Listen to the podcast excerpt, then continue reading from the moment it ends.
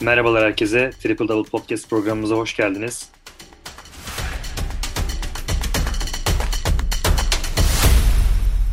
Merhaba Mustafa. Merhaba Ahmet. Bugün sezon finalimizle karşınızdayız. 16. podcast kaydımızı alacağız Mustafa ile birlikte. E, Milwaukee Bucks'ı konuşacağız. Milwaukee Bucks NBA finallerinde karşılaştığı Phoenix Suns'ı 2-0 geriye düşmesine rağmen 4 maçı ardarda arda kazanarak 4-2 ile eleyerek bu yoğun sezonu şampiyon olarak tamamladı. İstersen Milwaukee Bucks, e, Phoenix Suns serisini konuşarak başlayalım ve Milwaukee Bucks'ın şampiyonluğunu değerlendirelim Mustafa. Ben kağıt üzerinde Phoenix Suns'ı önde görüyordum. Çünkü şöyle bir durum söz konusu. Chris Paul var. Chris Paul faktörü var. Yani kritik anlar oynayabilen ve hakikaten kariyerinin sonunda bir şampiyonluk kazanmayı çok çok isteyecek bir Chris Paul beklentim vardı. Milwaukee Bucks tarafında ise Yanis'in e, özellikle önceki maçlarda verdiği bazı alarmlar vardı saha içerisinde.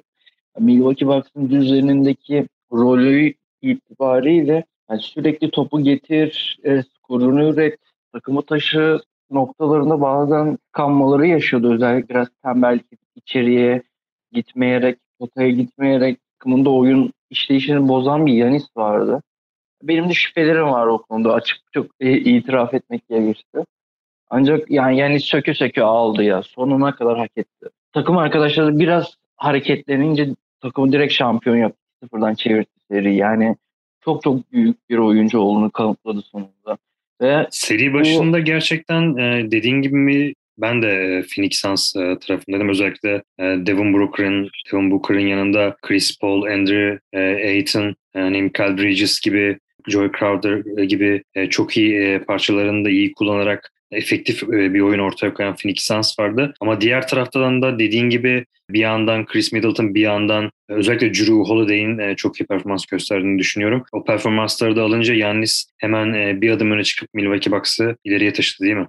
Tabii tabii. Ya en basitinden şu durum var. Bu takımın bir kere rotasyonu çok daraldı önceki sezonlara göre ve hakikaten o, ellerindeki oyuncu sayısı da az ve bununla beraber Dante DiVincenzo gibi bir kısadan eksik olmalarına rağmen çünkü kısa hı hı. oyuncu topla üretebilen bir oyuncu eksikleri var. Yani takımın kısaları baktığımız zaman Brim Forbes ve Pat Connaughton ve Jeff Tick de var çok az bir süre alan. Yani hı hı. onu ana şey sokmak istemedim bir de geç geldi bu takıma. Yani baktığımız zaman oyun takım fizikli ve hani kanat oyuncuların, uzun oyuncuların ağırlıklı olduğu bir takım olduğu için buna rağmen hani tempoyu yüksek tutarak, yüksek şut yüzdesi atmaya çalışarak maçları kazanıyordu normal sezonda. Final serilerinde bu durum tıkanınca Yanis'in devreye girmesi gerekiyor. Yanis'in devreye girmesi için de sürekli potaya gitmesi gerekiyor. Çünkü o, bir de Milwaukee Bucks'ın akıcılığa ihtiyacı var. Ritim bulmaya ihtiyacı var. Böyle gereksiz şut hamleleri, Yanis'in yaptığı gereksiz şut hamleleri hem kendi ritmini düşürüp e, verimini de e, geriye çekerken takımın da verimini geriye çekip ritmini bozuyordu. Ama bunu çözdüler. Çok iyi biçimde çözdüler ve hakikaten biraz kıpırdanmasıyla Drew Holiday'in ve Chris Middleton'un evet. ve bunların yanına Bobby Portis ve Pat Connaughton'u da ekleyeceğim. İkisi de müthiş final serisi oynadılar. Hakikaten hı hı. aldıkları süreni maksimum biçimde en iyi şekilde kullanarak şampiyona fayda sağladılar ve hak ettiler abi. Yani Phoenix Suns ilk maç evet güzel biçimde kazandı ama Chris Paul en beklenen alanda devreye giremedi. Hiçbir şekilde anlam veremedim buna ve onun kariyerine, o CV'sine baktığımız zaman çok kötü bir hane olarak yazacak bana göre. Çünkü Phoenix Suns'ın oyuncuları da çok tecrübeli genç oyuncular. Yani çok tecrübeleri yok. Yani Devin Booker 5 sezon vurdu ama ilk defa NBA finallerine kadar çıkıyor. Playoff'lar oynuyor. Michael Bridges evet. keza öyle. Cam Johnson keza öyle. DeAndre Ayton keza öyle. Yani bu oyuncular Chris Paul'un önderliğine bakıyorlardı, liderliğine bakıyorlardı saha içerisinde. Kritik anlarda Chris Paul son 3 maç hele yoktu ortalıkta. Çünkü 3. maç çok bir yandan erken anda kopmuştu. Ama hani hiçbir şekilde yani Phoenix tarafında bana kalırsa %70 Chris Paul suçlu. Bu serinin finallerini kaybedilmesi %30'da Monty Williams suçlu. Ciddi anlamda e, orada Phoenix Suns o liderini aradı ama öte yanda da hiçbir şekilde bunların bir sebep olamayacağı bir Milwaukee Bucks gerçeği vardı. Yanis gerçeği vardı. Ve benim onun hakkında özelinde yaptığım tüm eleştirileri bir yana onu hakikaten beğenen bir oyuncuyum. Eksiklerini çok söylerim, çok eleştiririm ama e, hakkını da sonuna kadar vermek istiyorum. müthiş oynadı ve müthiş bir şekilde şampiyonluğa taşıdı Milwaukee Bucks'ı. Evet gerçekten etkileyici bir performans ortaya koydu. Özellikle de son iki maçta. Sondan ikinci maçta Drew Holiday'in çaldığı bir e, top vardı hatırlarsın. Evet. O bence seriyi kıran e, andı. E, Yannis'in smacıyla bir tane pozisyonu hatırladın değil mi onu? Tabii tabii. Yani orada zaten ben özellikle Chris Paul'u üzerine kırmızı kalemi çektim diyebilirim. Çünkü hiçbir şekilde Devin Booker'ın bana göre suçu yok. Bir önceki pozisyonda gene Devin Booker oynamıştı. Yani evet, bu adamı evet. yani biraz elinden top alıp rahatlatsa niye yapmadın bunu? Ve o seride hakikaten Devin Booker çok iyi başladı ama Monty Williams çok gereksiz zamanlarda onu bench'te kenarda oturttu. Cameron Payne'e fazla gereksiz yük bindirdi. Cameron Payne de ilk defa finallere çıkan bir oyuncu ve bu zamana kadar da çok da iyi bir performans verememişti baktığımız zaman. Ya bu kadar gereksiz ateşe atmaya gerek var mıydı Monty Williams'a da, da en eleştirilecek noktası şu. Chris Paul'un temposuna göre oynayan bu takımda bu oyuncuların verimi düşerken bile o oyuncular sonuna kadar mücadele ettiler ama Chris Paul hem kendi temposunda oynatmaya çalıştı hem de başarılı olamadı. Bu noktada hiç bence Monty Williams devreye de giremedi.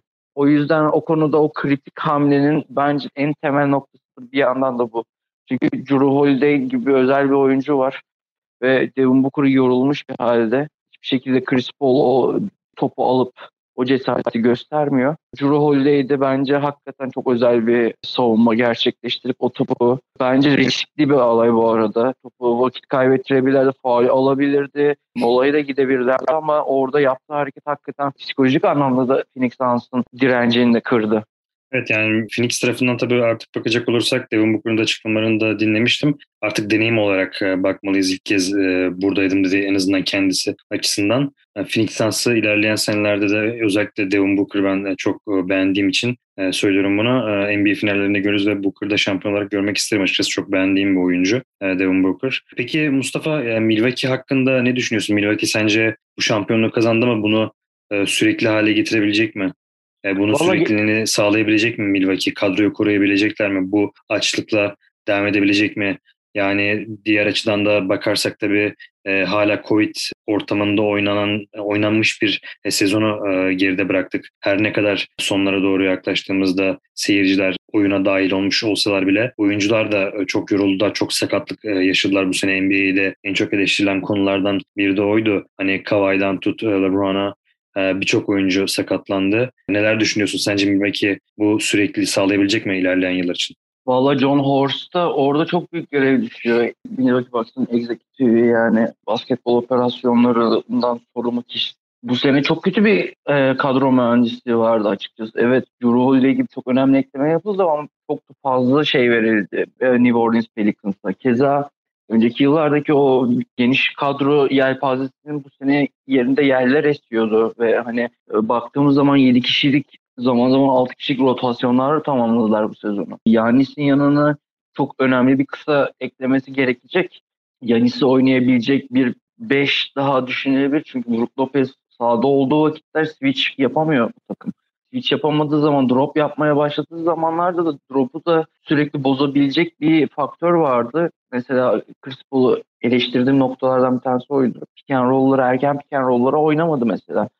Ee, Brook Lopez'i vurabilirlerdi bu konuda ama yapamadılar. Yani ama bunu çok iyi bilen bir oyuncu mesela bir Doncic'in yanına iyi bir uzun geldiği zaman mesela Milwaukee Bucks çok zorlanır o erken pick and roll oyunlarını bu noktada bir uzun da gerekli olacak bu takıma. Yani Yanis de oynayabilecek. Çok iyi bir kanat oyuncusuna ihtiyaçları olacak bence. Bir Chris Middleton'a alternatif olarak. Yani topla oynayabilen bir guard, bir kanat, bir de uzun ihtiyaçları olacak bu e, yeni sezonla beraber. Çünkü bir yandan da e, rotasyonu da genişletmeleri lazım. Yetmez abi. Önceki yıllarda normal sezon için müthiş bir kadroydu ama Mike Budenholzer daraltamıyordu. Bu sezon hı hı. zorunluluktan daralttılar kadroyu. Ama bir yandan da onun da sıkıntısını yaşayacaklardı. Baktığımız zaman Yanis Atlanta serisini kapatabilirdi. Atlanta serisinden sonraki süreçte Phoenix Suns finallerine sakat çıkabilirdi. Yani sakat çıktığı zaman ne demek? 4-0 e, bir Phoenix Suns galibiyeti olacak demek. Bu sebeple e, Yanis'in etrafına doğru oyuncuları seçmesi gerekiyor John Horst'un. Mike Budenholzer şampiyon oldu. Evet güzel hoş ama gelecek sezonda bence önemli bir sınav verecek. Çünkü biraz da şansı yaver belli noktalarda. Onu kabul etmek lazım çünkü o belli hataları yap, oyuna reaksiyon verme konusunda finallerin 3. maçına kadar hala da e, sıkıntılı süreçler yaşattı takıma bir yandan da. Bunu da kabul etmek gerekiyor.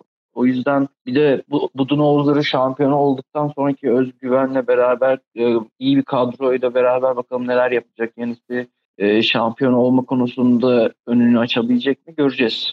Çok teşekkürler yorumun için Mustafa. Keyifli bir yayın oldu. 16. podcast yayınımız oldu bu dönem. E, bu sezon NBA şampiyonu olan Milwaukee Bucks'ı konuştuk. E, yoğun bir dönemdi ve çok da keyifliydi benim açımdan açıkçası. E, Victory Dergi ve Karnaval.com işbirliğiyle sizlerle birlikte olduk e, bu sezon. Gelecek sezon da e, sizlerle birlikte olacağız. Güzel bir sezon oldu Ahmet. Senle de hani aslında biraz evet, tematik yayınlar yaptık ama normal sezona da bu şekilde bağlamamız güzel oldu. Yeni sezonda ben hani seninle o eski tempolu günlerimizde haftalık e, güzel bir e, bülten yayın şeklinde NBA'yi hafta hafta değerlendirecek yayınlarımızı dört gözle bekliyorum.